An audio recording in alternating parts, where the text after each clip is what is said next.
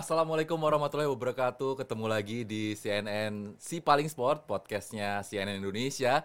Tentunya kali ini kembali lagi bersama saya Erlangga Wisnuaji, Si Paling Sport 01. Dan kali ini ditemani oleh Nova debutan. Arfianto. Silakan perkenalkan diri Anda. Nova Arfianto, CNN Sport berapa ya? 05 deh kalau nggak salah. 05 lo ya. 01 dan 05. Dan kali ini kita sudah kedatangan tamu istimewa yaitu Abang Raja Sabta Oktohari. Selamat datang Bang. Salam olahraga. Jaya.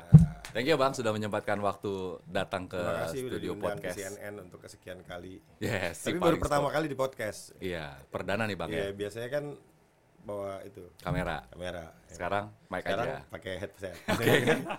Ini Bang, beda selamat loh ya, perasaannya, Bro. Ya kan? Kayaknya mau rekaman gitu. Pertama-tama selamat dulu nih sudah kembali terpilih sebagai Ya, ketua KOI alhamdulillah. untuk periode kedua. Alhamdulillah. Pertanyaannya gini Bang. Alhamdulillah sama bismillah juga. Iya dong. Iya kan? Sebenarnya kenapa sih Bang lu sampai pengen calon lagi sebagai ketua KOI untuk kedua kalinya? Enak soalnya. Apa enaknya jadi ketua KOI? Loh, ribet Bang. Jadi ketua KOI itu, jadi ketua Komite Olimpiade Indonesia itu jadi jabatannya presiden. Di Indonesia itu ada dua presiden, Mhm. Presiden Jokowi sama Presiden KOI. Presiden NOC NOC gitu Bang ya. Indonesia. Dan di, di dunia memang kita sebagai penjaga Olympic Charter yang menjadi representasi IOC yang ada di setiap negara bertanggung jawab untuk menjaga kepentingan masyarakat olahraga Indonesia khususnya atlet. Gitu. Dan kita bisa memberikan intervensi itu seperti yang terjadi pada saat Olimpiade Tokyo itu Rusia itu tidak boleh ikut Olimpiade, Iya. tetapi yang ikut itu namanya ROC, Russian Olympic Committee, NOC-nya Ru- Rusia. NOC Rusia gitu. Nah, di karena saya memang passionnya di olahraga gitu, dari dulu mulai berangkat dari eh, bela diri, dari tinju, terus balap sepeda. Nah sekarang lebih maksimal lagi bisa menyalurkan eh, passion ini gitu. Karena kak- gini, ada orang punya hobi mungkin belanja, ya kan. ada orang punya hobi mungkin ngumpulin apa jam, ngumpulin mobil gitu. Kalau kita sukain ngumpulin medali, Yes. Iya kan? Medali. iya gitu. Karena itu salah satu momen yang mungkin buat saya menyentuh ya gitu. Kadang-kadang kita jadi apa eh, jadi melankolis juga gitu. Kalau atlet dapat emas itu kayaknya momentum itu jadi momentum yang sangat yang melankolis buat saya gitu. Atlet Merinding emas ya, Bang. dan meda apa merah putih dikibarkan Indonesia Raya Nah. berkumandang. Terbalik, Gimana gimana? terbalik. Kita dari dulu itu sering pakai eh, apa tagline itu kibarkan bendera merah putih dan koba apa eh, kumandangkan lagu Indonesia Raya. Kalau sekarang saya balik. Karena jauh lebih penting mendengarkan Indonesia Raya dulu, baru merah putih dikibarkan. Maksudnya Indonesia ikut event dulu. Salah. Karena ketika Indonesia Raya dikumandangkan, artinya Indonesia dapat emas. Kalau kalau merah putih aja dikibarkan, Oh, bisa peserta. perunggu, Iya, iya, iya, bisa perak, atau bisa emas gitu kan. oke, oke. Makanya kita balik, kumandangkan lagu Indonesia Raya dan kita kibarkan merah putih setinggi tingginya. Gitu. Jadi Indonesia Raya dulu ya karena kalau Indonesia Raya berkumandang emas, bro, gitu. Iya, udah pasti Jadi, emas. Udah pasti emas gitu kan. Cita-citanya bukan bukan cuman eh, Merah putih berkibar. atau perak gitu kan. Tapi cita-cita yang tertinggi dulu. Makanya kalau kan di bocoran situ ditanya itu targetnya lihat kan gitu kan. kan bocoran nih kalau itu apa?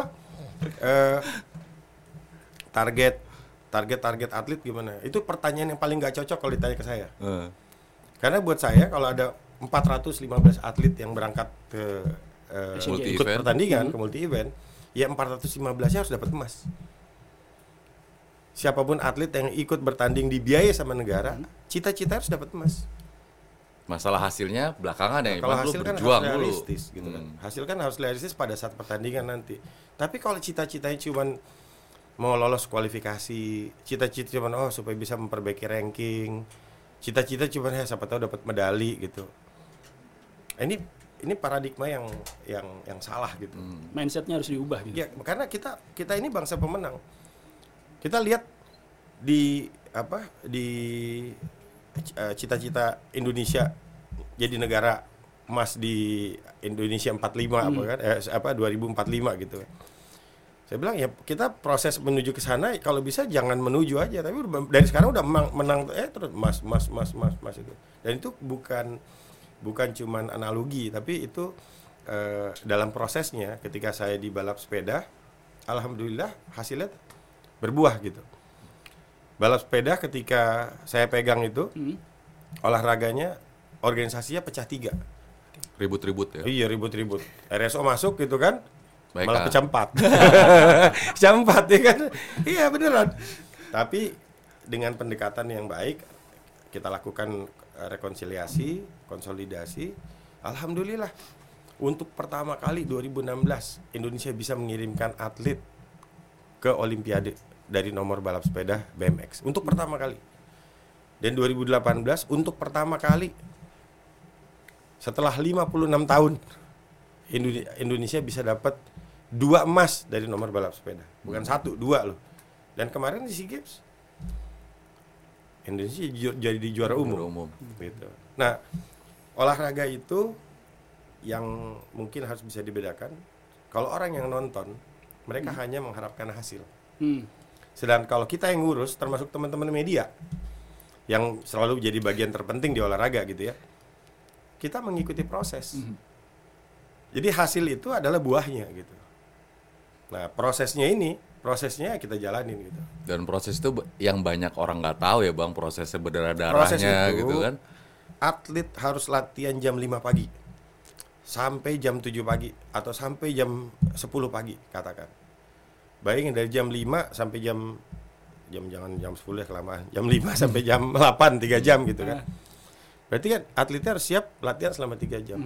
Tapi tim perangkatnya pelatihnya harus siap dari jam 4 Iya, siapin dan baru dulu. bisa beres satu jam mungkin setelah atletnya beres. Belum lagi perangkat yang lain. Mungkin asisten pelatih mungkin ini, nah, ini kan yang orang nggak pernah lihat gitu. Jadi olahraga itu merupakan satu ekosistem. Tapi Saya- bang, ngomongin soal koi lagi nih, balik ke koi lagi.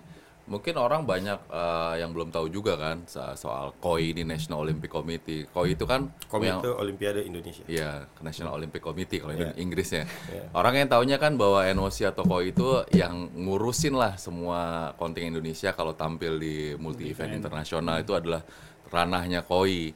Tapi sebenarnya tugas dan fungsi KOI itu apa aja sih bang yang mungkin banyak orang nggak tahu gitu loh. ya. Kan kan setiap multi event yang paling ribet KOI kan. karena kan sebetulnya kata kata ikro bismi rabbikal ya kan gitu kan? Baca, Baca, bro. Ya. ya kan ya kan? Lu nggak usah tanya-tanya lu baca. Gitu. Jelas loh clear. Disuruh baca kenapa? Karena di situ udah ada semua. Gitu. Komite Olimpiade Indonesia atau National Olympic Committee of Indonesia merupakan representatif dari International Olympic Committee yang ada di setiap negara yang bertanggung jawab untuk menjaga Olympic Charter. Nah, berarti kita harus melihat nih apa sih isi Olympic, Olympic Charter. Charter. Apa yang disuruh jagain nih gitu kan. Yang paling penting adalah eh, kepentingan para atlet. Jadi nggak boleh ada apa diskriminasi, nggak boleh ada eh, apa a- apa a- atlet yang di di apa di kesampingkan gitu. Jadi semua fokusnya untuk kepentingan atlet dengan menjunjung tinggi excellence ya kan. Terus eh tuh kan gue lupa. Contekan, Ya contekan. kan? Contekan, Yes, contekan. harus, harus contekan. Excellent, friend, eh, eh, eh, eh, friendship sama respect. Nah, lihat excellence, friendship sama respect. Excellence yang tadi gue bilang, yang tadi saya bilang, boleh gue boleh pakai Boleh, boleh, ya? Oh, boleh. ya kan? Yang tadi se- saya gue bilang. Tadi lo bilang. Jadi excellence dari awal berangkatnya cita-citanya sudah paling tinggi. Kalau ada yang lebih tinggi- tinggi dari Mas, ambil yang itu. Gitu. Itu excellence. Gitu. Tapi pada saat berang selesai, semuanya kan jadi berteman nih. Gitu. Friendshipnya ya. Friendshipnya kan harus didorong juga gitu. Kenapa? Karena kita harus bergaul. Gitu. Kalau enggak kita nggak bisa dapat tukeran informasi, kita nggak bisa ini gitu. Terakhir respect. Kita harus menghargai hasilnya. Gitu. Ini semua theoretical ya, gitu ya. Tadi pada praktek ya kalau saya ngomong sama atlet nggak ada tuh friendship friendship ya kan. Sikap. Lo adalah musuh, ya kan. Sampai hasilnya keluar baru bisa jadi friend lagi, ya kan. Karena kayak gitu. Jadi itu saya ini ada satu pengalaman pribadi kemarin saya bicara sama satu atlet gitu ya. Dan dia bilang dia bilang, "Kenapa kamu nggak ngambil itu?" Dia bilang, "Enggak, Pak. Saya eh, saya nggak mau motong nunggu dikasih." Dia bilang kamu nggak bisa nunggu dikasih. Kalau dalam pertempuran itu nggak mungkin nunggu uh, nunggu nggak ditembak, pasti tembakin terus kan gitu. Justru di sana itu harus tempur. Atlet itu harus dibenci sama lawannya. Tapi setelah dia dibenci sama lawan karena karena kemampuannya dia gitu, besok-besok dihargai dia. Jadi respect itu lahirnya dari kebencian sebetulnya. harus sebel dulu gitu kan si orang ini orangnya. Soalnya kalau nggak nggak dianggap. Indonesia belum menjadi negara yang dominan di olahraga olahraga kebanyakan olahraga ya mungkin di olahraga olahraga tertentu ya gitu kan tapi di banyak olahraga belum gitu. saya nggak bicara panjat tebing kalau panjat tebing clear gitu speed climbing kita ditakutin di dunia gitu tapi buat cabang olahraga yang lain kan belum Karena kita terlalu sopan gitu atletnya. Seperti tadi dibilang. mungkin ada sebagian yang seperti itu nggak semuanya ya. mungkin ada sebagian seperti itu gitu karena memang mentalnya kita mental Indonesia mental budaya Indonesia kan sopan. Makanya saya mendapatkan tantangan itu. Yang paling utama adalah bahasa Inggris. Bahasa Inggris itu merupakan tantangan utama untuk semua pelaku olahraga. Contoh umpamanya. Saya kan selalu pakai pakem atlet pelatih wasit event venue. Baru organisasi. Saya selalu pakai pakem, 6 pakem ini nih dari dulu. Kalau atletnya mungkin masih bergantung sama pelatihnya lah, gitu. Tapi kalau atletnya dikirim keluar, TC keluar negeri, bergaul di luar negeri, apa segala luar negeri, bahasanya pakai bahasa apa? Pelatih, pelatih pada saat dia mau meningkatkan kualitas ya pelatih itu kan ada level 1, level 2, level 3 diploma gitu. Nah, kalau dia mau meningkat, modulnya pakai bahasa apa? Bahasa Inggris. Wasit juga gitu. Wasit kalau di balap sepeda ada was, eh, nasional, elit, sama internasional. Dulu waktu pertama kali saya masuk ke eh, balap sepeda di awal-awal itu masuk ke pengurus nasionalnya, PB-nya. Wasit nasionalnya atau komisir nasionalnya banyak banget. Yang elitnya nol. Iya, yang internasional cuma satu. Nah itu kan tantangannya. Iya. Saya tanya kenapa? Ya karena modulnya pakai bahasa Inggris semua. Sama event juga begitu. Event karena kita minder di luar gitu kan, bahasanya bahasa ini ya kita ngaku-ngaku aja gitu. Jadi karena lu sebenarnya dulu sebelum jadi di koi ini udah ngurusin sepeda dulu kan bang? Oh iya, ngurusin tinju dulu, ya kan bela diri dulu, tinju baru eh, sepeda, gitu kan. Sepeda abis itu baru koi. Nah itu lo ketika lo loncat-loncat gitu dengan pengalaman eh, Bang Okto di cabur dulu terus ke koi gitu. Gimana tuh lo ngelihat adjustmentnya atau perbedaannya? Oh ternyata di koi gue begini ya atau ada nggak pada saat itu gitu bang? Eh, hampir karena modalnya udah ada dari Hmm. balap sepeda gitu dan kan eh, ini bagian sombong nih bro. Nggak apa-apa lo mau sombong boleh dikit bang. ya kan? Eh, orang Indonesia yang pertama kali masuk di member eh, apa eh, ASEAN Cycling Confederation itu zaman kita Hmm. gitu. Setelah itu ki- kita dipercaya jadi wakil presiden di Asia. Setelah itu kita menjadi perwakilan juga di International Federation. Jadi yang tadinya Indonesia di bawah sini, tiba-tiba kita bergolek ke atas. Presiden UCI-nya udah tiga kali ke rumah gue bos, gitu. Nah ini ini dengan kedekatan emosional seperti itu yang besok, yang biasanya pakai surat, sekarang udah tinggal pakai telepon. Ini ada begini nih beres. Nah, dengan modal itu kita aplikasikan juga di tempat yang lain. Kan modal saya pertama HIPMI. Saya ketua ketua umum eh, Himpunan Pengusaha Muda Indonesia dari 2011 dari sampai 2014 gitu. Setelah itu jadi ketua ISI. Ya. Nah, ketua ISI dari organisasi yang berantakan, yang tadinya pecah tiga, saya masuk jadi pecah empat, ya kan, gitu. Terus, ya setelah rekonsiliasi yang tadi, yang teman-teman akhirnya semuanya pada jalan, alhamdulillah sekarang hasilnya juga maksimal gitu kan. Nah, begitu di Komite Olimpiade Indonesia, semua pengalaman itu kita gabungkan. Saya ingat pengalaman di SEA Games Vietnam, itu eh, teman-teman hoki waktu itu, karena ada dualisme. Dari situ kita belajar oh ternyata dualisme itu harus diselesaikan dengan cara ini gitu. Ternyata saya dinasihatin sama IOC sama OSEA NOC itu tidak bisa mengintervensi National Federasi nggak bisa. Jadi NOC itu tidak bisa mengintervensi kebijakan National Federasi Tapi? National Federasi itu independen yang bisa mengintervensi hanya International Federasi jadi kalau ya, teman-teman induknya bang. Iya, ya? jadi kalau kalau di kita ada IOC, ada OCA, ada NOC, NOC. ya kan. Tapi kalau di sebelah kanannya ada IF, International International Federation. Federation, ada Asia Confederation, baru ada NF, National Federation. Nah kita komunikasinya kalau N- NF-nya nggak ket- nggak ketemu nih, ya ke, komunikasinya ke Asia dulu. Konfederasinya atau ke International Federasinya. Nah mappingnya juga seperti itu. Banyak yang salah, salah kaprah. Jadi contoh dulu kalau biar keren gitu kan, kita pakai istilah pakai bahasa Inggris. Challenge, ya kan? Kan challenge kan bahasa Inggris artinya tantangan kan, gitu kan. Pokoknya ini challenge. Pokoknya gitu, downhill challenge, gitu kan. Uphill challenge, gitu. Ternyata challenge itu artinya remaja, bos. Oh. Jadi kalau di dunia balap sepeda challenge itu artinya remaja gitu. Hmm. Sehingga jadi salah kaprah kan gitu. Oh, ternyata salah kaprah. Sama juga istilah kejurnas.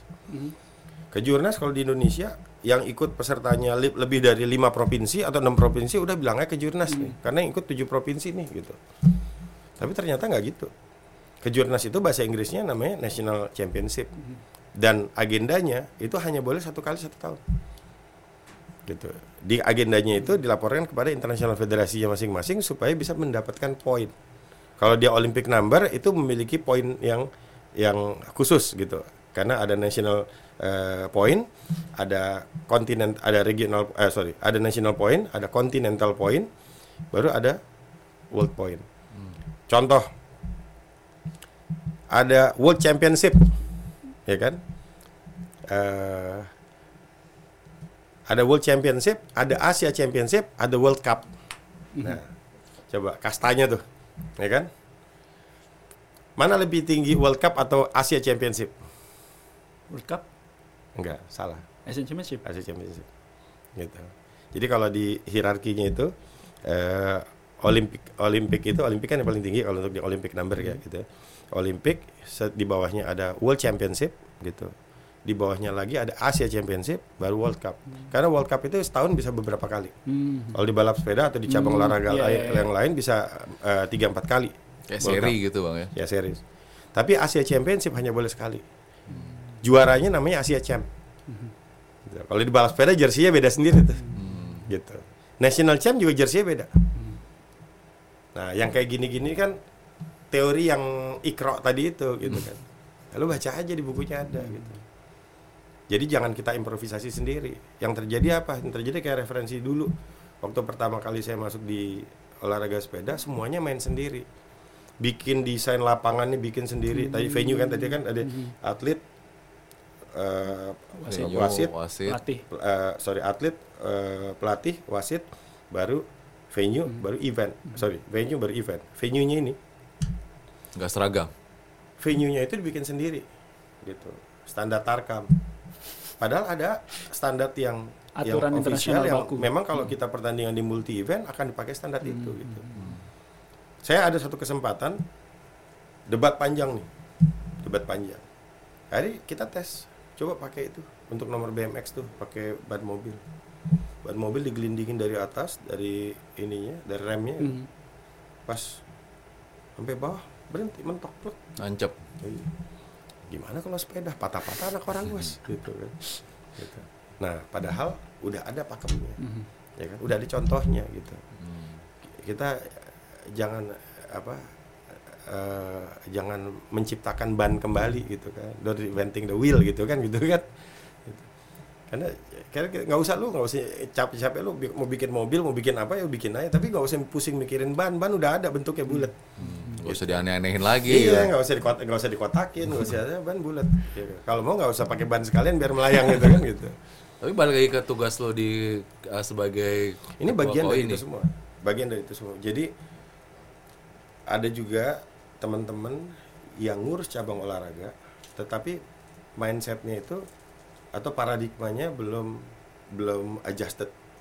Ya. Saya beberapa kali tuh ada beberapa ketua umum yang datang karena saya pernah juga jadi ketua umum, saya pernah duduk di dalam posisi itu gitu. Nah, waktu saya diskusi sama mereka, ya kita buka, kita lihat gitu, kamu pakai pola yang mana? Karena masing-masing cabang olahraga kan polanya berbeda, nggak bisa disamain nih. Kalau dari tadi referensi saya Sepeda. sepeda gitu, ternyata tinju berbeda gitu kan. Padahal olahraga, olahraga gue juga sebetulnya gitu kan gitu. Tapi tinju nggak gitu caranya gitu. proses kualifikasi nggak seperti itu juga gitu atau mungkin nanti atletik mungkin dengan cara akuatik atau mungkin punya cara yang lain. Atau badminton gitu kan. Tapi pada akhirnya kan caranya ada. Kita ikutin caranya. Dengan kita mengikuti cara itu Indonesia akan jauh lebih fokus. Dananya akan lebih efisien. Gitu. Kita nggak umbar-umbar bro. Gitu. Dengan kita mengikuti target kita apa nih? Kalau untuk yang Olympic number saya mau qualified di Olympic kalau yang yang non Olympic number saya mau ikut kejuaraan dunia atau world champion. Kan bedanya cuma itu. Olympic sama non Olympic ujungnya doang yang beda. Ya. yang satu ujungnya Olimpik, yang satu lagi ujungnya non Olimpik, kan gitu. Tapi di Olympic number itu ada 28 eh fix number atau 28 cabang olahraga yang sudah ditentukan, ada lima cabang olahraga yang diganti-ganti.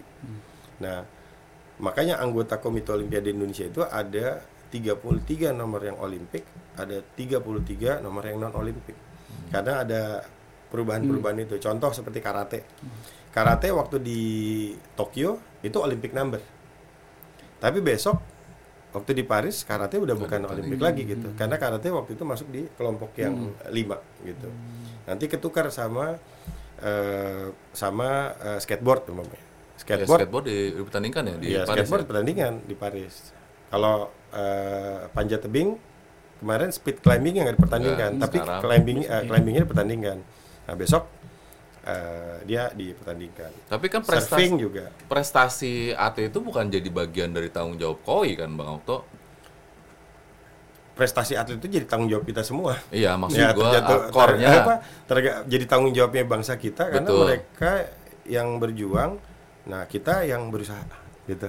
nggak maksudnya bukan jadi core-nya KOI gitu kan, soal prestasinya gitu.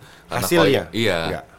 Karena KOI kan lebih leb- lebih koreksi kalau gue salah ya Bang ya, lebih mengurusi uh, entry by name ya, administrasinya, ke- keperluan mereka uh, dia pada Betul. saat ikut multi event gitu kan Bang? eh betul, tapi tidak sepenuhnya, Hmm. gitu. Jadi itu adalah bagian dari pekerjaan Komite Olimpiade Indonesia. Tapi lebih dari itu, kalau pembinaan prestasi sudah pasti secara mutlak merupakan tanggung jawabnya National Federasi. Yang kolom tadi, Iya. ya kan? National Federasi, ya kan, bertanggung jawab kepada Asia Confederation-nya atau kepada International Federation-nya. Karena setiap National Federasi, charternya mereka itu merujuk kepada charternya International Federasi. Hmm. Dan di dalam charternya itu menyebutkan bahwa kalau ada apa-apa, gitu harus larinya ke NOC-nya dulu. Gitu. Karena kalau sampai ada apa-apa, si IF-nya biasanya kalau dia nggak turun ke NF, dia pasti datangnya ke NOC. gitu. Tanyanya ke NOC. Ya, dan itu diatur dari dalam eh, Olympic Charter. Jadi bagiannya ketempuan mulu ya NOC Bang ya? Ya. Kalau NF-nya lagi ada sesuatu apa ribut-ribut, International Federation nanyanya ke NOC gitu. Ya, ya. gitu. Dan yang baru ini terjadi PTMSI gitu juga. Ya, PT MSI ini kemarin jadi dinamikanya kan selalu selalu eh, menarik lah gitu ya. Gak selesai-selesai loh. nggak selesai-selesai. Padahal itu olahraga grassroots gitu. Saya perhatiin hampir setiap rumah itu ada eh, meja pingpong gitu kan. Kalau di Jakarta gitu di kota-kota besar gitu kan. Dan kebanyakan meja pingpongnya juga taruh aja gitu kan. Nah bahkan ada yang lebih juga satu rumah ada yang lebih dari itu. Kemarin saya pergi ke rumah orang, dalamnya meja pingpongnya ada empat empat meja. Nggak tahu toko, bukan ya? nggak ada jualan. Banyak juga. Ada meja yang lain juga soal itu. Jual meja ternyata. Nah eh, memang sangat memprihatinkan gitu ya kalau eh, untuk tenis meja itu. Akhirnya kita kemarin mengambil langkah eh, kita mem- memberikan suspensi atau kita berhentikan sementara dari keanggotaan di Komite Olimpiade Indonesia gitu. Setelah itu kami juga berangkat ketemu dengan eh, International Federasinya. Ternyata International Federasi pun udah capek juga gitu. Jadi bukan ternyata kita capek sendiri, saya bilang maaf nih, saya datang sini saya telat 2 tahun, saya bilang gitu. Karena jadwalnya sebetulnya saya pergi ke- ketemu sama mereka itu eh, dua tahun setelah saya menjabat gitu. Tapi kayak wak- jadwalnya nggak ketemu nih, berapa kali nggak ketemu, nggak ketemu segala macam. Akhirnya kemarin ketemu. Dia bilang jawabannya enggak kamu nggak telat 2 tahun, telat 20 tahun katanya. Itu masalahnya ternyata udah 20 tahun ya kan. Gitu. Ya ya better late than never lah gitu kan gitu. Jadi ya, gimana keputusannya? Ternyata keputusannya eh, mereka ngambil langkah bahwa materi tentang Indonesia ini dibawa ke board membernya mereka dan kita lagi nunggu hasilnya nih. Hmm. Saya saya walaupun saya udah dengar kisi-kisi hasilnya gitu, tapi secara ofisial kita belum menerima surat dari eh, internasional federasinya. Nah, kalau itu kita, kita terima itu juga akan menjadi landasan kita. S- Saya punya presiden, kita punya presiden. NOC ini punya presiden terhadap kejadian seperti ini. Kita lakukan di eh, apa eh, preferensi kita pada saat kita eh, menyelesaikan eh, hoki. Hmm. Jadi hoki waktu itu ada dualisme juga, terus recognitionnya terhadap eh, yang satu lagi, akhirnya apa segala macam, sampai akhirnya ada solusi, gitu. Nah, ya, Tenis meja bisa sombong lagi tuh bro, ya kan? Karena kita gara-gara menyelesaikan itu kita mendapatkan penghargaan tertinggi, namanya Asian eh, Award Merit. Eh, oh, s- eh, Nyontek lagi nih bang. Contek lagi. Ya contekannya taruh di situ ya kan. Asian Order of Merit. Asian Order of Merit gitu. Asian Order of Merit gitu. Itu kita pajang keren tuh. Is. Set, kita pajang ya kan. Tapi bang di di periode kedua kepemimpinan lo di NOC nih bang, emang apa apa apa lagi sih yang mau mau lo capai gitu atau target yang di periode sebelumnya belum belum terlaksana yang sekarang jadi target berikutnya dari seorang RSO gitu. Oke, sebelum saya jawab kita akan kembali setelah pesan-pesan. Aisin, Minum ya, dulu, iklan ya dulu. Awas tuh bang. Ya minum dulu. Oh, lo gak ada isinya? Gak ada isinya. Dua. Oh. Punya gua, ini air beneran gak? Kan? ini lo jebak gua lagi. Penonton pada lempar rokok nih. Sri Mulat nih. Jadi, apa tadi pertanyaannya? Ini di periode iya. kepemimpinan Oh, kedua ini gua. lo mau ngapain gitu? Soalnya gue kemarin waktu pas PR lo baru terpilih kan PR ada belum banyak lo ada yang- nyebut ini bang sorry Indonesia Olympic Academy apaan tuh? Nah, Indonesia Olympic Academy. Sebetulnya eh, yang yang paling gampang dulu PR besar kita semua di Komite Olimpiade Indonesia itu adalah memasyarakatkan Olympianism bahasa kerennya. Bahasa gampangnya Bahasa apa? gampangnya ngasih tahu orang ini ada Komite Olimpiade Indonesia lah bro, ya kan? Kerjaannya ini loh sebetulnya gitu. Karena kita keluar dari pagar kita juga untuk menjelaskan sama orang Komite Olimpiade Indonesia dulu mungkin masih banyak yang belum familiar gitu. Kalau sekarang udah mulai familiar. Gitu. Nanti orang akan jadi bingung tuh. Wah ada koni, ada koi gitu kan. Gimana nih hubungannya? Wah nanti ribut kan koni koi. Itu kuno ya kan. Padahal kita harus clear. Kita tupoksinya masing-masing berbeda gitu. Saya komunikasi kami dengan koni sangat baik gitu kan. Jadi kita tahu tupoksi kita itu clear. Karena semua pekerjaan kita, semua langkah kita itu diatur oleh Olympic Charter. Gitu. Dan kita harus menjelaskan bahwa di dunia itu kalau sampai ada apa-apa ini terjadi boleh ceritain gak ya? Boleh lah bang. Boleh gitu ya. Enggak enggak dirobek. Jadi ada ada eh, pengalaman ketika atletnya itu nggak boleh berangkat karena masalah sesuatu lah gitu. Di Indonesia di. Indonesia. Hmm.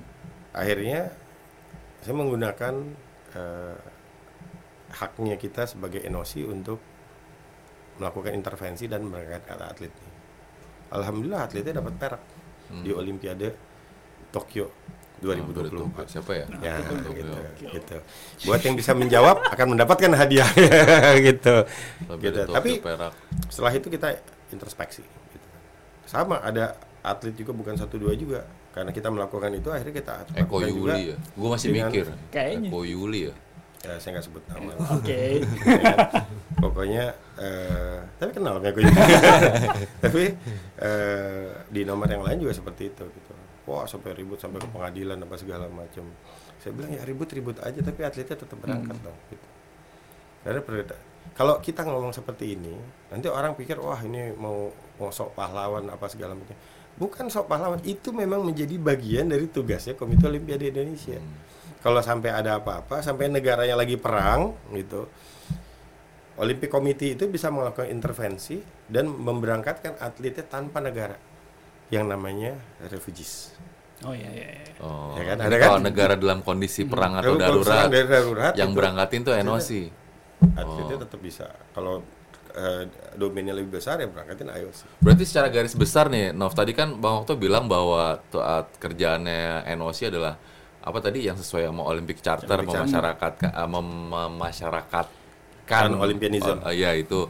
Terus uh, bisa memberangkatkan atlet uh, kalau negara dalam kondisi perang atau darurat tertentu gitu, Bang. Ya, kita itu terlalu jauh ya. Iya. Gua ambil contohnya. Jadi tugas-tugasnya poin-poinnya koi itu apa aja kan tadi lu bilang ini orang harus tahu nih koi itu kerjanya begini loh. Apa sih secara secara singkat biar orang pada ngerti nih koi gue presidennya kerjaan gue tuh gini loh gitu loh bang. Jadi kalau Secara Kalau yang presiden- bahasa simpelnya gitu. Kalau Presiden Republik Indonesia tahu warga negaranya tiba-tiba ditahan di negara lain, ya kan? Itu ordernya kan dari dia. Ya. kan? Itu warga negara, Bro. Kali ini warga olahraga. gitu Atlet, kira-kira ya. ya kan, atlet gitu.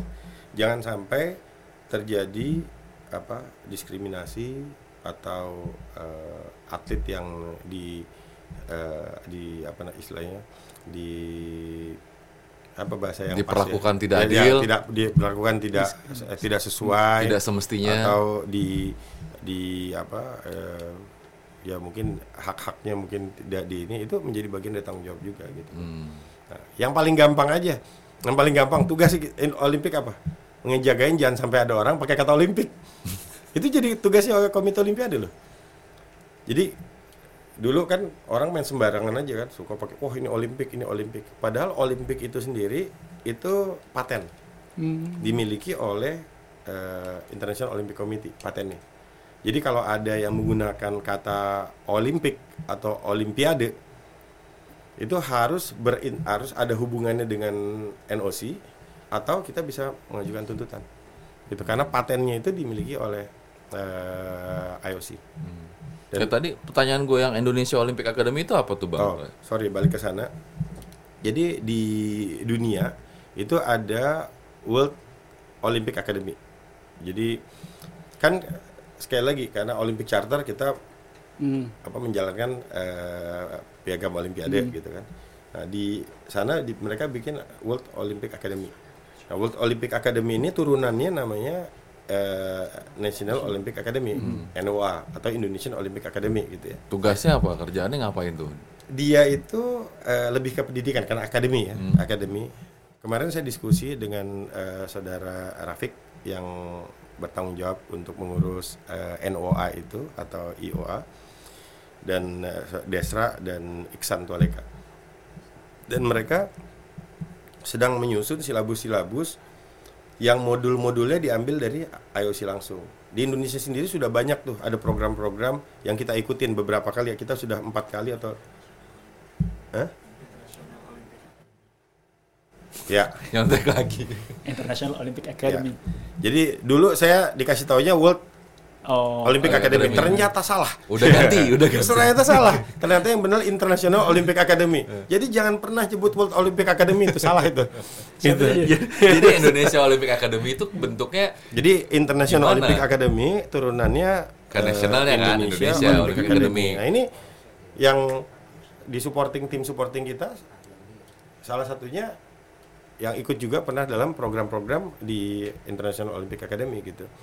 Mereka itu ikut. ngapain bang di di akademi itu ini kan baru lo mau buk, bikin kan mas Ya. silabusnya lagi disusun itu Sebetulnya udah ada di Ah. internasional udah udah sudah lama kita sudah berapa kali ikut dan sekarang mau diaplikasikan untuk bikin Indonesia. Mereka ada yang setara dengan pendidikan-pendidikan yang formal juga gitu. itu untuk atlet maksudnya atau untuk Bukan untuk semua insan olahraga dunia gitu. outputnya setelah di, di Indonesia Olympic Academy itu apa outputnya Untuk lebih memahami tentang Olympianism, untuk memahami tentang Olympic Charter dan tugas dan tanggung jawab semua insan olahraga. Olahraga ini kan dunianya kan independen.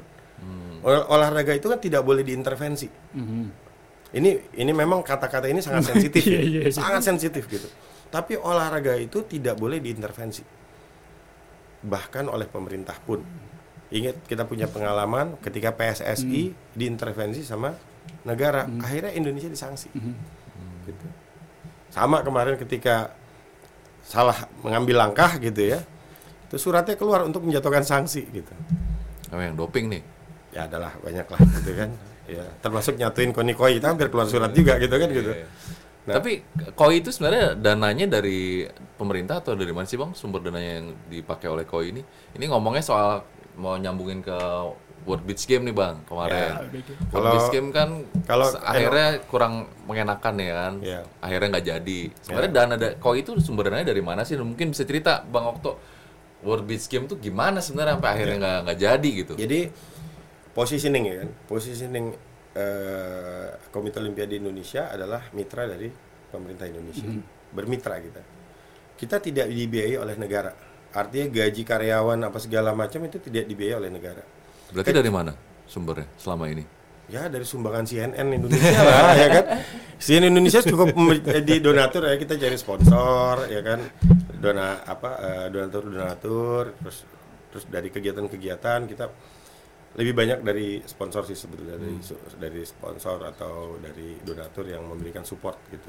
Kita juga menciptakan eh, mekanisme mekanisme me- mekanisme untuk bisa mendapatkan tambahan-tambahan dana di Komite Olimpiade Indonesia. Nah, tetapi setiap multi event karena multi event sudah diatur itu ternyata saya juga baru ilmunya baru sampai nih. Bukan hanya diatur oleh piagam olimpiade bukan hanya diatur oleh undang-undang bahkan diatur juga oleh piagam PBB bahwa untuk kegiatan olahraga itu harus dibiayai oleh negara itu gitu. Untuk kepentingan negaranya. Itu diatur oleh piagam PBB gitu Itu lu baru tahu. gue baru tahu. Ya kan kalau gue pikir selama ini kan cuma diatur sama Olympic Charter gitu. Ternyata sampai PBB pun mengatur itu ternyata. Memang menjadi tanggung jawab negara untuk membiayai atletnya. Sehingga nggak salah kalau di Indonesia baik itu Sea Games Asian Games Olimpiade gitu. Bahkan sampai single event aja itu dibiayai oleh negara. Nah kalau di kami kan single ev- eh, multi event aja udah ada beberapa nih. Ada ada seperti kita ketahui ada SEA Games, ada Asian Games, ada Asian Indoor Martial Art Games, ada Islamic Solidarity Games, ada eh, apa ada eh, Olimpiade gitu ya. Nah, ada juga kegiatan-kegiatan lain seperti eh, World Beach Beach Game. Game. World Beach Game ini inisiatifnya dulu dari Indonesia. Inisiatifnya dari Asian Beach Game di Bali. Lahir tuh waktu itu pasca bom 2008. Bali waktu itu kan 2008. 2008 gitu kan. Nah, kemarin World Beach Game ini yang menyelamatkan Indonesia dari sanksi doping. Pada saat kita dijatuhkan sanksi doping, kan Indonesia di ban selama satu tahun. Sebetulnya signal-signalnya waktu itu udah lama kita dengar gitu. gitu. Oh ini bahaya nih, ini bahaya gitu. Tapi biasa kan di Indonesia kan. Tadi jokesnya kita gitu kan. Kalau mau bersihin udara di Indonesia ya kayaknya perlu ada covid lagi gitu, ada pandemi lagi baru betul-betul bersih. Kalau nggak ada yang mati di sebelah kita emang nggak ada yang diem gitu. Karena semuanya ngomong. Kalau belum kejadian belum Semuanya dijalanin jawab, gitu ya. Gitu. Nah ini yang terjadi kemarin. Akhirnya begitu kita ingetin semuanya jawab dan jatuhin sanksi. Des. Begitu apa Sudirman Cup ya waktu itu ya. Sudirman Cup Indonesia ngibarin bendera PBS apa PBSI gitu. Baru alarm bunyi ribut. semua, baru ribut semua. Oh gitu. Padahal sanksinya udah dijatuhin dari beberapa waktu sebelumnya gitu kan.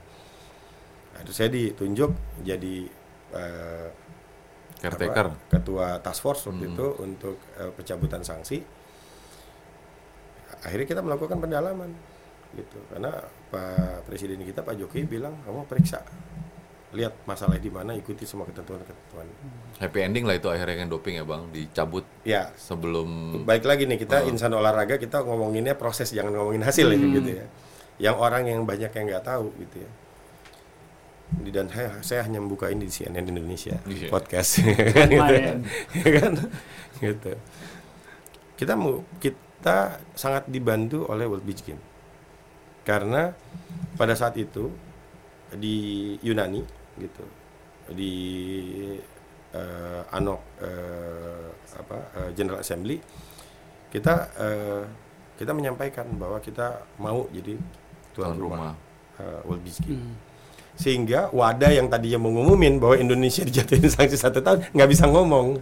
Karena kita jadi kandidat gitu kan. Karena di kalau kalau wadahnya ngomong Indonesia langsung batal kandidasinya gitu kan. Gitu. Akhirnya eh, Oh jadi gitu tuh. kira-kira trik itu. salah satu triknya lah gitu kan. Selain kita ajak keluar makan-makan juga ya kan gitu kan. Kayak Indonesian hospitality gitu kan. Orang bilang katanya "Di- itu lobby lobby bukan lobby diplomasi ya kan diplomasi. Karena setelah kita dalami oh ternyata bukan tentang ada penjahat atau nggak ada penjahat. Ternyata yang belum ada kantor polisinya gitu. Jadi pada saat itu ternyata Indonesia belum punya lembaga yang memang secara khusus bertanggung jawab untuk mengurus anti doping. Doping. Yang ada cuma seolah-olah mengurus anti doping. Ladi.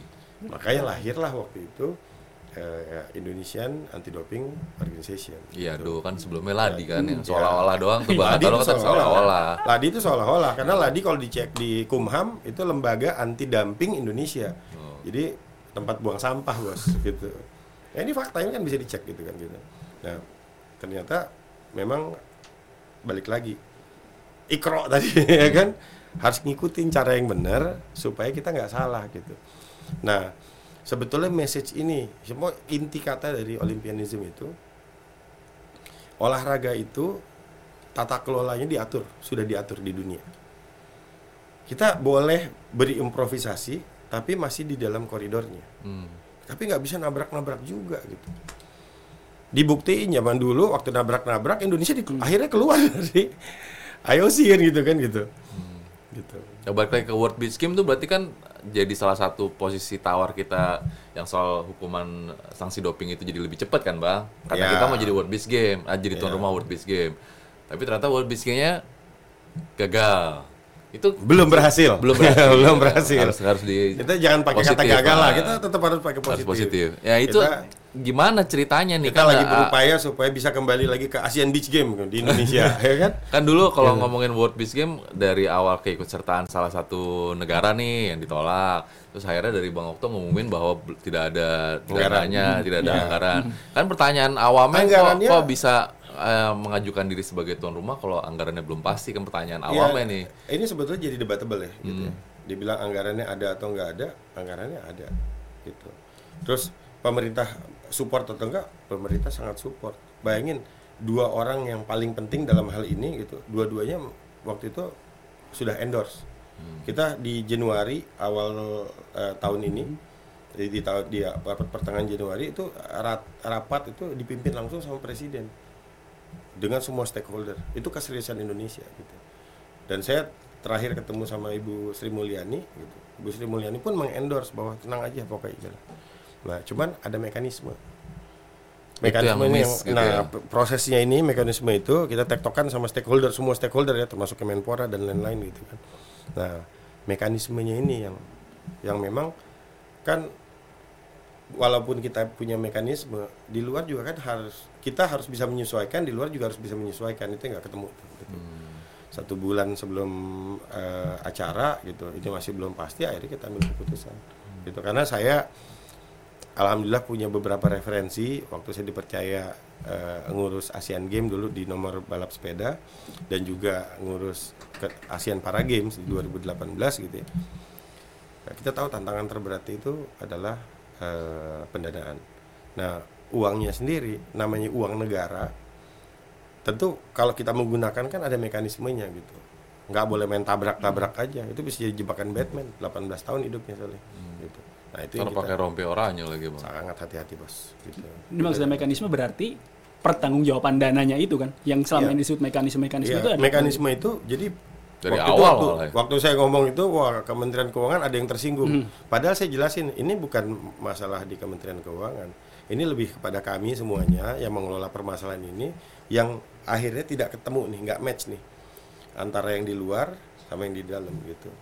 Kita nggak bisa tuh mekanisme reimburse atau apa segala macam karena dari mereka ada permintaan untuk pembiayaan tiket ya, sampai dan lain-lain itu sampai 7 juta 7 juta dolar yang harus kita bayarin ke sana. Saya bilang, waduh gimana cara bayar nih 7 juta dolar gitu kan. Berapa berapa? 7 juta dolar gitu. Lo ada 10 juta balik ke 3 juta ntar gitu kan gitu. Nah, tapi banyak lah, banyak ada beberapa gimmick-gimmick yang beberapa item-item yang memang akhirnya belum ketemu. Tapi waktunya udah ya, jadi expired gitu. Saya lapor gitu. Kayaknya eh, lebih banyak mudarat daripada manfaat gitu kan. Sedangkan kita masih banyak agenda yang lain gitu. Dan eh, kita ambil keputusan waktu untuk membatalkan. Oh, jadi pelajaran berharga juga bang, yang cukup mahal ya bang. pelajaran yang sangat mahal itu buat kita karena effortnya udah sangat besar gitu ya karena kita rapat hampir tiap hari juga hampir semua sudah siap gitu cuman karena mobil yang sudah Formula 1 tapi bensinnya nggak diisi ya nggak bisa ngebut bos ya nggak bisa gagal, jalan ya. gagal ya liputan ke Bali. gitu. Ya. bukan ditunda ya Ditunda, kan? itu. Ditunda. kita harus tetap positive thinking lah positive thinking Tapi tanyain soal Asian Games lah, ini kan sebentar lagi kita akan jadi eh kita akan ikut Berangkat. dia suka nyuruh nyuruh nyuruh padahal lu tanya sendiri bisa Udah bengong mulu sih Nova. Gue mulai Kan nanya. tadi masih kepikiran hal yang lain. Apa? Mananya apa nih? Capek banget kayaknya tadi kan ngirimin atlet lagi Iya. konflik, kirim ke Olimpiade, terus ngurusin Games. Tugasnya banyak banget. nggak kapok apa gimana? Pas sama judul podcast Iya. kita sih paling sport. Iya. Makanya mau tanya nggak capek ngurusin olahraga Indonesia kayaknya sepele tapi ribet ternyata. iya kan? justru justru kalau sepele Mhm. ya kan akhirnya udah nggak ada tantangannya lagi gitu kan jadi kan yang kita suka adrenalinnya Oke. kayak kita ini Nyari perkara dalam kurung. Adrenalin itu bahasa ribet ya. Dalam kurung gue suka nyari perkara aja sih. sekarang udah benar-benar kita di, di darat nih ya kan ya kan udah benar-benar ada motor ngapain juga kita pada naik sepeda ya kan coba ya kan eh tapi ngomong-ngomong kita harus bangga loh ada orang Indonesia ini Jenderal Purnawirawan Purnawirawan polisi yang dari sejak beberapa bulan yang lalu itu berangkat naik sepeda dari Jakarta. Nanti finishnya di pembukaan Olimpiade Paris 2024 mantan eh, apa eh, kakor lantas itu Bang Royke. Hari ini udah sampai ke Cina kalau nggak salah. Naik sepeda tuh ya. naik sepeda sendirian. Hanya diikuti satu mobil sport gitu nah pertanyaan lagi ngapain sih dia begitu kan, ya kan? saya tanya sama dia waktu itu bang masalah lu banyak banget ya bang gitu kan gitu Sampai segitunya Sampai gitu. segitu, ya. tapi itu kan dedikasi kan Hmm. itu kan passion itu kan hobi gitu nah kalau yang tadi ditanya sama saya kalau kata ha- kata brand motor besar ya kan ya kita katanya nggak boleh nyebutin Nah, judul nggak ya kan boleh merek, nggak boleh merek. Nggak boleh merek dia bilang if I have to answer you will never understand Guys, ya kan cuman gue doang yang ngerti udah Iya kan, cuma iya. ya. Iya kan? Loh, sekarang gini, Bro. Ada orang hobi jam. Beli jam harganya sampai puluhan miliar. Hmm. Kalau orang yang nggak hobi ngapain lo beli jam gitu ya? Lah, jam gua nggak masa mahal itu, tapi di sini ada itunya, ada stopwatchnya, ya kan? Udah Komplit lah. Mengukur jantung gitu. Harganya nggak bakal jangan kan cuma jutaan gitu ya gitu, gitu. Atau ratusan ribu ada juga yang kayak gitu gitu. Terus kenapa saya begitu? Ya tadi jawabannya, if I have to answer, you will never understand katanya. Iya kan? Gitu. Kalau kita disuruh gitu mah nggak mau ya kan? Ya kan? Masih kita pikirin pelaknya atlet berapa. Balik lagi ke persiapan Asian Games tadi, Bang Okto sebagai ini kan salah satu tugas takeaway juga kan, mempersiapkan semua kebutuhan uh, kontingen merah putih yang akan berangkat ke Hangzhou nanti akhir bulan September ini. Gimana Ya. sejauh ini persiapannya udah aman atau apa sih ada yang perlu di? Karena kan cerita lamanya kan peralatan lah belum datang, inilah itu. Oh, itu Makanya kita sangat hati-hati. Multi event pasti ada cerita itu gitu. Ya, kita sangat hati-hati dalam eh, mengusulkan eh, chef de mission. Karena saya kan pernah jadi chef de mission atau pimpinan kontingen. Ketika saya jadi chef de mission eh, Olimpiade Rio 2016, itu betul-betul wawasan saya tentang olahraga itu berubah. Gitu. Kalau jadi kalau ditanya lagi sebetulnya kalau kembali kenapa sih kok mau jadi ketua komite Olimpiade lagi-lagi gitu kan gitu. Mungkin jawabannya karena saya pernah jadi chef de mission Olimpiade 2016 dulu nggak pernah punya cita-cita juga karena di situ baru kelihatan tuh, wih gila olahraga negara Indonesia dilihat disaksikan oleh 8 miliar mata dan kita bisa kecil hati pada saat itu. Dengan 234 juta populasi Indonesia pada saat itu kita hanya membawa 28 orang. Nggak jauh beda sama yang sekarang-sekarang gitu kan. Masih sekitar sekitar gitu juga angkanya. Tapi yang lebih prihatin lagi oh ternyata si negara-negara tetangga kita seperti Malaysia yang populasinya hanya 30 juta pada saat itu atau Singapura yang populasinya hanya 5 juta gitu. Angkanya juga tipis-tipis gitu 25 28 27 kira-kira seperti itu. Oh berarti ada yang salah nih. Sama makanya presiden juga sampai marah waktu itu. Kan kita dikumpulin semua kan stakeholder dia bilang pokoknya pokoknya rubah mekanisme. Makanya setelah itu lahirlah DBON gitu kan gitu. Tapi ya memang kalau kita tidak introspeksi gitu kita pasti akan terus-terusan melakukan kesalahan. Balik ke bahasa kata tadi ikro ikro tadi itu gitu kan gitu. Kenapa? Karena kita berimprovisasi terhadap sesuatu yang sebetulnya udah ada gitu. We are reinventing, we are trying to reinventing the wheel again and again gitu. Padahal udah ada roda aja bos gitu. Nah kita kembaliin lagi ke semuanya. Kita coba telaah lagi nih. Benar nggak sih negara-negara yang bisa ngirim eh, atlet lebih banyak dari kita itu sebetulnya negara lebih kaya dari kita? Oh enggak. Udah Enggak pasti juga, enggak. Eh, ekonomi Indonesia gila hari ini membanggakan. We are part of G7 bos, gitu. Kita part part dari G7 negara ekonomi terbesar di dunia gitu, gitu. Kita part of G20 gitu kan. Yang fresh kemarin waktu di Bali gitu. Tapi kok kenapa negara seperti negara-negara kecil itu bisa ngirimin atletnya jauh lebih besar dari kita gitu. Yang jumlah populasi sangat kecil gitu. Oh, ternyata lebih didominasi sama kelompok permainan kelompok. Oh ternyata pemain kelompok di Indonesia nggak begitu dominan nih. Kalau kita perhatian dulu rata-rata di olahraga kita itu olahraga perorangan, bukan olahraga kelompok. Wah udah fokusnya langsung berubah-berubah tuh. Kan yang begini ini yang memberikan motivasi kan. Wah alhamdulillah pecah telur lagi di eh, Filipina waktu itu tiba-tiba untuk pertama kali setelah berapa tahun gitu kan Indonesia bisa mengalahkan Singapura di water polo. Terus setelah itu di Vietnam setelah berapa tahun gitu kan Basket ya. Indonesia bisa pecah telur di basket dan volley juga bisa dapat emas gitu. Hoki, Hoki, juga bisa dapat iya. emas. Kriket bisa dapat emas gitu kan. Jadi olahraga-olahraga kelompok ini udah mulai berkembang nih, gitu. Nah, balik lagi berarti kan yang ngurusnya bener. Karena di kalau di tatanan yang tadi yang terakhir yang kita yang kita belum bahas. Jadi kalau atlet, pelatih, wasit, Venue. event, Event. atau venue, venue ya. terakhir organisasi. Nah organisasi ini ada ya paling bontot. Kenapa? Karena kalau ditaruh paling depan, yang lima nggak diurus. Cuman ketemunya pas munas-munas lagi aja. Kebayang nggak? Hmm. Jadi cabang olahraga orangnya cuma sibuk ngurus organisasinya aja, yang atlet, pelatih, wasit, event, venue-nya nggak diurus. Itu banyak terjadi dulu. Sekarang diubah taruh paling belakang organisasinya berarti. Bang. organisasi taruh paling belakang gitu. Kenapa? Karena kalau memang nggak ada atlet, nggak ada apa, nah udah nggak usah, nggak usah juga lah, nggak ada buat apa gitu. Gitu. Nah ini yang sebetulnya menjadi prioritasnya gitu. Dan saya lihat DB, DBON itu juga bukan kitab suci ya gitu. Dia hanya aturan, Guideline. ya dia hanya dia hanya beta version, beta version nih gitu. Karena nggak boleh loh itu jadi pakem. Karena di dalam situ juga nggak fair menurut saya. Kalau saya ngelihatnya kalau saya dengan cabang olahraga, saya punya 66 cabang olahraga. Ya dinamis. Kenapa cuma 17 yang dipilih gitu? Kenapa sisanya nggak dipilih gitu? gitu.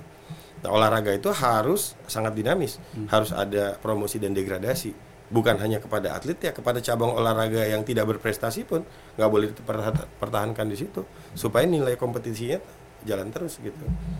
Dan angka 17 saya juga nggak tahu dapat dari mana. Anggaplah beta version gitu kan. Siapa tahu besok jadi 27. Siapa tahu besok jadi 37 gitu. Syukur-syukur jadi 66 gitu kira-kira gitu kan gitu. Tapi ya kita harus realistis lah gitu kan supaya ada nilai kompetisinya eh, semua harus ada mekanisme promosi degradasi gitu kan pemilihan itu juga promosi degradasi sebetulnya saya ini kan hasil promosi degradasi gitu gitu kan gitu di di organisasi pun kita terapkan seperti itu gitu Tapi tadi belum menjawab pertanyaan gue Gimana soal Asian Games. Persiapan. Asian Games Jadi? Gimana persiapannya persiapan udah tim kita clear nih? atau masih ada Yang eh, menjadi tanggung jawab koi. Oh iya, jadi untuk Asian Games tadi jawabannya kan kita ha- sangat hati-hati untuk milih chef de mission Mhm. dan saya ada referensinya lah gitu kan. Pak Bas, Pak Bas akhirnya ya. Akhirnya kita usulkan, kita usulkan paket waktu itu chef de Ah. mission. Kita usulkan paket chef de missionnya eh, apa Basuki di Asian Games. di apa eh, di eh, Asian Game terus eh, apa eh, Pak Maruli ketua judo itu untuk eh, AIMAP dan eh, Pak Asian Games kemarin siapa ya? Lexindo, Dodo. Oh Lexindo, Dodo, Dodo, Dodo, Dodo. Ya, Sorry, ulang. Kan? Pak jadi Bas, waktu Asian itu kita usulkan Pak yang Maruli pertama, Aimak. eh, itu dulu, Dodo dulu. Dodo SEA itu Games. SEA Games untuk Heeh. Kamboja, Pak Bas untuk Asian Games. Asian Games dan Pak Maududi untuk AIMA AIMA. gitu. Nah, tiga orang ini kita percaya dan kita usulkan kepada pemerintah dan diberikan dukungannya. Nah, mereka menyusun tim bekerja sama dengan Komite Olimpiade Indonesia dan juga dengan cabang-cabang olahraga untuk mengawal kepentingan para atlet ini. Alhamdulillah kemarin kita sudah launching dan dalam eh, eh, kita sudah press conference dan dalam waktu dekat akan diadakan launching untuk seragam baru gitu karena seragam yang lama itu sudah ganti model dan kita sudah terima seragam yang baru akan segera kita launching untuk seragam kontingen tim Indonesia di Asian Games Hangzhou 2023. Dan insya Allah nanti launchingnya akan dilaksanakan bertepatan dengan Hari Olahraga Nasional Tanggal 9 berarti ya Bang ya. tanggal 9. Berarti ini nggak ada masalah teknis dan non teknis yang mengganggu persiapan kontingen kita di Asian Games nanti ya? Eh, Sejauh ini nggak ada ya? yang jujur atau yang nggak jujur? Iya kan? Yang jujur lah Bang. yang jujur ya, yang jujur. Kalau ada apa kan semua masalah pasti yang ada jujur, solusinya. yang jujur, tantangan terbesarnya itu bukan di kita. Tantangan terbesar ini, ini betul-betul buka-bukaan ya, belak-belakan ya sebetulnya. Tantangan terbesarnya justru ada di di sana, gitu. Karena kita harus betul-betul siap untuk menghadapi situasi-situasi yang yang bisa berpotensi untuk terjadi. Contohnya? Karena eh, Asian Games itu kan miliknya OCA, gitu. Sedangkan OCA-nya hari ini dalam keadaan yang tidak stabil. Pasca pemilihan OCA lalu di Bangkok, gitu, dan terjadi dispute antara hasil dan kebijakan IOC. Ini terjadi nih, gitu. Sehingga seolah-olah si Asian Games ini se- seolah-olah seperti jalan sendiri. Nah, Nah, ini dari kemarin kita intensif tuh komunikasi. Karena balik lagi terlepas dari pergaulan internasional yang paling penting menjaga kepentingan kontingen kita kan gitu kan gitu. Yang mungkin terjadi emang apa bang dari dari ke- Ya, sekarang kalau- keadaan itu? Kalau dinamikanya terjadi oleh prinsipalnya gitu kan. Kan kualitas gamenya ini kan bisa macam-macam ter- terutama masalah administrasi lah gitu. Saya bisa kebayang itu administrasi administrasi itu tantangannya akan sangat besar sekali. Yang paling besar itu akreditasi nanti. Dispute antara informasi data input apa yang keluar itu pasti macam-macam lah gitu. Walaupun kita sudah banyak pengalaman juga ya. Kalau si games rata-rata begitu gitu. Kalau si game di di Kamboja kemarin kurang apa gitu sama di Vietnam gitu. Ya udahlah gitu kan. Kita beradaptasi. Tapi semua ini memang jadi antara eh, NOC Indonesia dengan eh, tim CDM. Jadi kita harus memastikan bahwa semua potensi-potensi permasalahan itu dapat kita hadapi dengan baik dan atlet kita bisa bertanding secara maksimal. Gitu. Jangan tanya masalah eh, hasil karena hasil kembali ke ke atletnya sendiri. Kalau saya sebagai ketua Komite Olimpiade Indonesia 415 atlet yang berangkat 415 emas harus jadi cita-citanya mereka semua. Banyak repot baliknya ntar. Ya, yang paling repot bonusnya, ya kan? Bonus harus hitung ulang gitu. Tapi ini kan mindset ya gitu. Mindsetnya nggak boleh tanggung-tanggung gitu. Mindsetnya harus yang terbaik.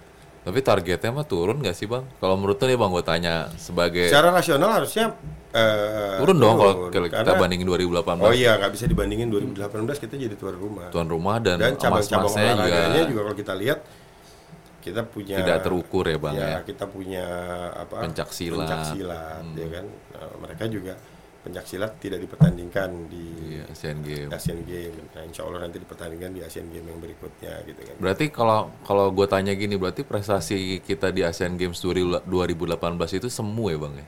Peringkat 4, 31 emas. Eh, Tapi ternyata di begitu begitu di 2023 ini jauh banget apa, apa targetnya cuma 8 sampai 12, peringkat 12. ada privilege tuan rumah yang nggak bisa dihilangkan Hmm. jadi privilege tuan rumah itu semua kegiatannya diadakan di tuan rumah gitu. Privilege tuan rumah nih. Semua kegiatan diadakan di dan beberapa nomor-nomor dipilih oleh tuan rumah. Itu privilege tuan rumah. Dan itu bukan cuma terjadi di Indonesia Di semua tapi tuan di rumah. semua tuan rumah gitu. Bahkan Kamboja jadi tuan rumah rumah eh, apa eh, SEA Games. SEA Games kemarin aja itu punya cita-cita untuk jadi juara umum gitu kan gitu kita kira gitu. Jadi bukan bisa menjadi patokan karena yang paling penting harus diingat di Asian Games itu untuk kita yang mengerti tentang mekanisme saya kembali ke hierarki tadi bahwa ada oh ya ini pertanyaannya saya. Saya balik tanya nih sekarang. Ada Asian Games sama Asia Championship mana lebih penting? Pengen Asia- juara lah dua-duanya.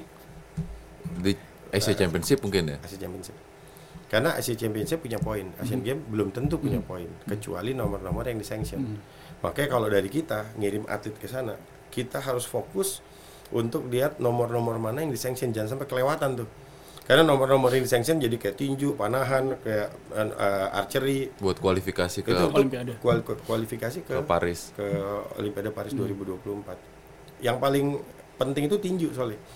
Karena tinju itu IF-nya itu tidak mengadakan kualifikasi, hanya di Asian Games.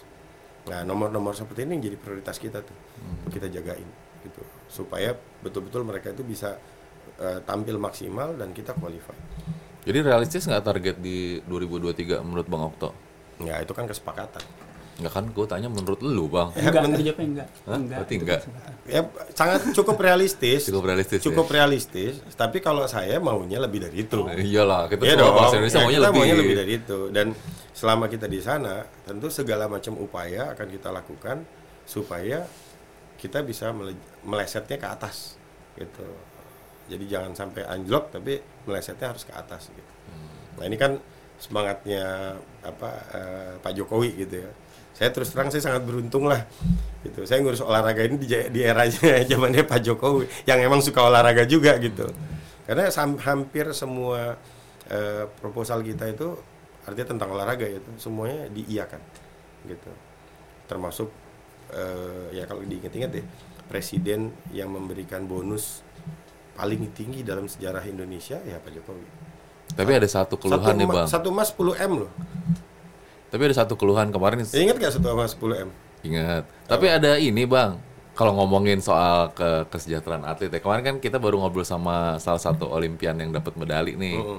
Dulu saya inget banget tuh ada janji dari pemerintah peraih medali emas, peraih medali kok, peraih medali di Olimpik dapat uang pensiun dari dari pemerintah per bulan berapa gitu tergantung medalinya dapat. Sampai sekarang tuh belum loh bang katanya atlet-atlet olimpian peraih medali itu Lalu sih. kita lihat kebetan dulu oh ya oke Gimana kata kebetan? Jadi eh, semangatnya udah ada, tetapi balik lagi. Nah ini mekanisme penggunaan uang negara nih kan, kan harus ada landasannya. Gitu, landasannya dulu yang dibikin gitu. Nomenklaturnya, undang-undangnya dibuat, diusulkan, disetujui, baru diaplikasikan gitu kan. Sementara itu belum ada, bisa. ya kalau dilakukan ujung-ujungnya nanti yang 18 tahun tadi pakai baju oranye gitu kan. Kita mau ngurus nih bos gitu kan, tapi kita juga nggak mau gara-gara salah urus gitu. Akhirnya baju oranye gitu kan gitu. Jadi masih belum bisa terwujud karena landasannya belum ada jawabannya gitu bang ya. Eh, on the way. Ya, prosesnya kan kita harus menghargai proses. Jadi prosesnya sedang dilakukan. Kita percayakan orang-orang yang cinta sama olahraga ini di Kemenpora, Menpora, di apa Komisi 10, di DPR RI gitu dan semua stakeholder olahraga pasti mencari yang terbaik untuk para atlet. Apalagi presidennya emang suka terhadap prestasi olahraga gitu. Balik ke 10 miliar tadi, presiden waktu saya ingetin dia bilang enggak saya nggak pernah ngasih satu emas 10 m. Gitu. Saya bilang Pak Owi Butet itu satu emas Pak, cuman dibagi dua, masing-masing 5 miliar, Lima, 5 lima, miliar. iya. Oh iya, jadi 10 miliar. Oh iya iya, kata gitu. Dan cuman Pak Jokowi itu yang ngasih 10 m, kasih satu, satu emas pos gitu kan. Dan itu secara rasio indeks di antar negara ya cukup tinggi juga. Oke. Salah satu yang yang paling tinggi. Nov ada yang mau ditanya lagi ke bang Okto? Udah ada. Gue masih ada satu lagi nih. Satu lagi sebelumnya udah mau di penghujung uh, podcast kita nih bang. Oke. Dari sekian uh, panjang perjalanan lu ngurusin olahraga dari dari National Federation sampai sekarang di KOI gitu bang, udah berapa belas tahun lah ya. Lu udah ngerasa olahraga di Indonesia jadi prioritas atau belum bang? Berat bro itu pertanyaannya. Iya. Kalau udah jadi prioritas kita udah nggak jadi ketua komite Olimpiade Indonesia lagi gitu. Tantangannya masih besar gitu. PR juga masih banyak.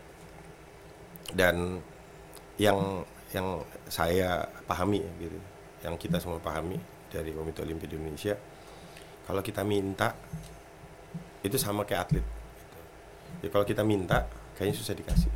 kita harus maksa supaya dapat. Hmm. Gitu.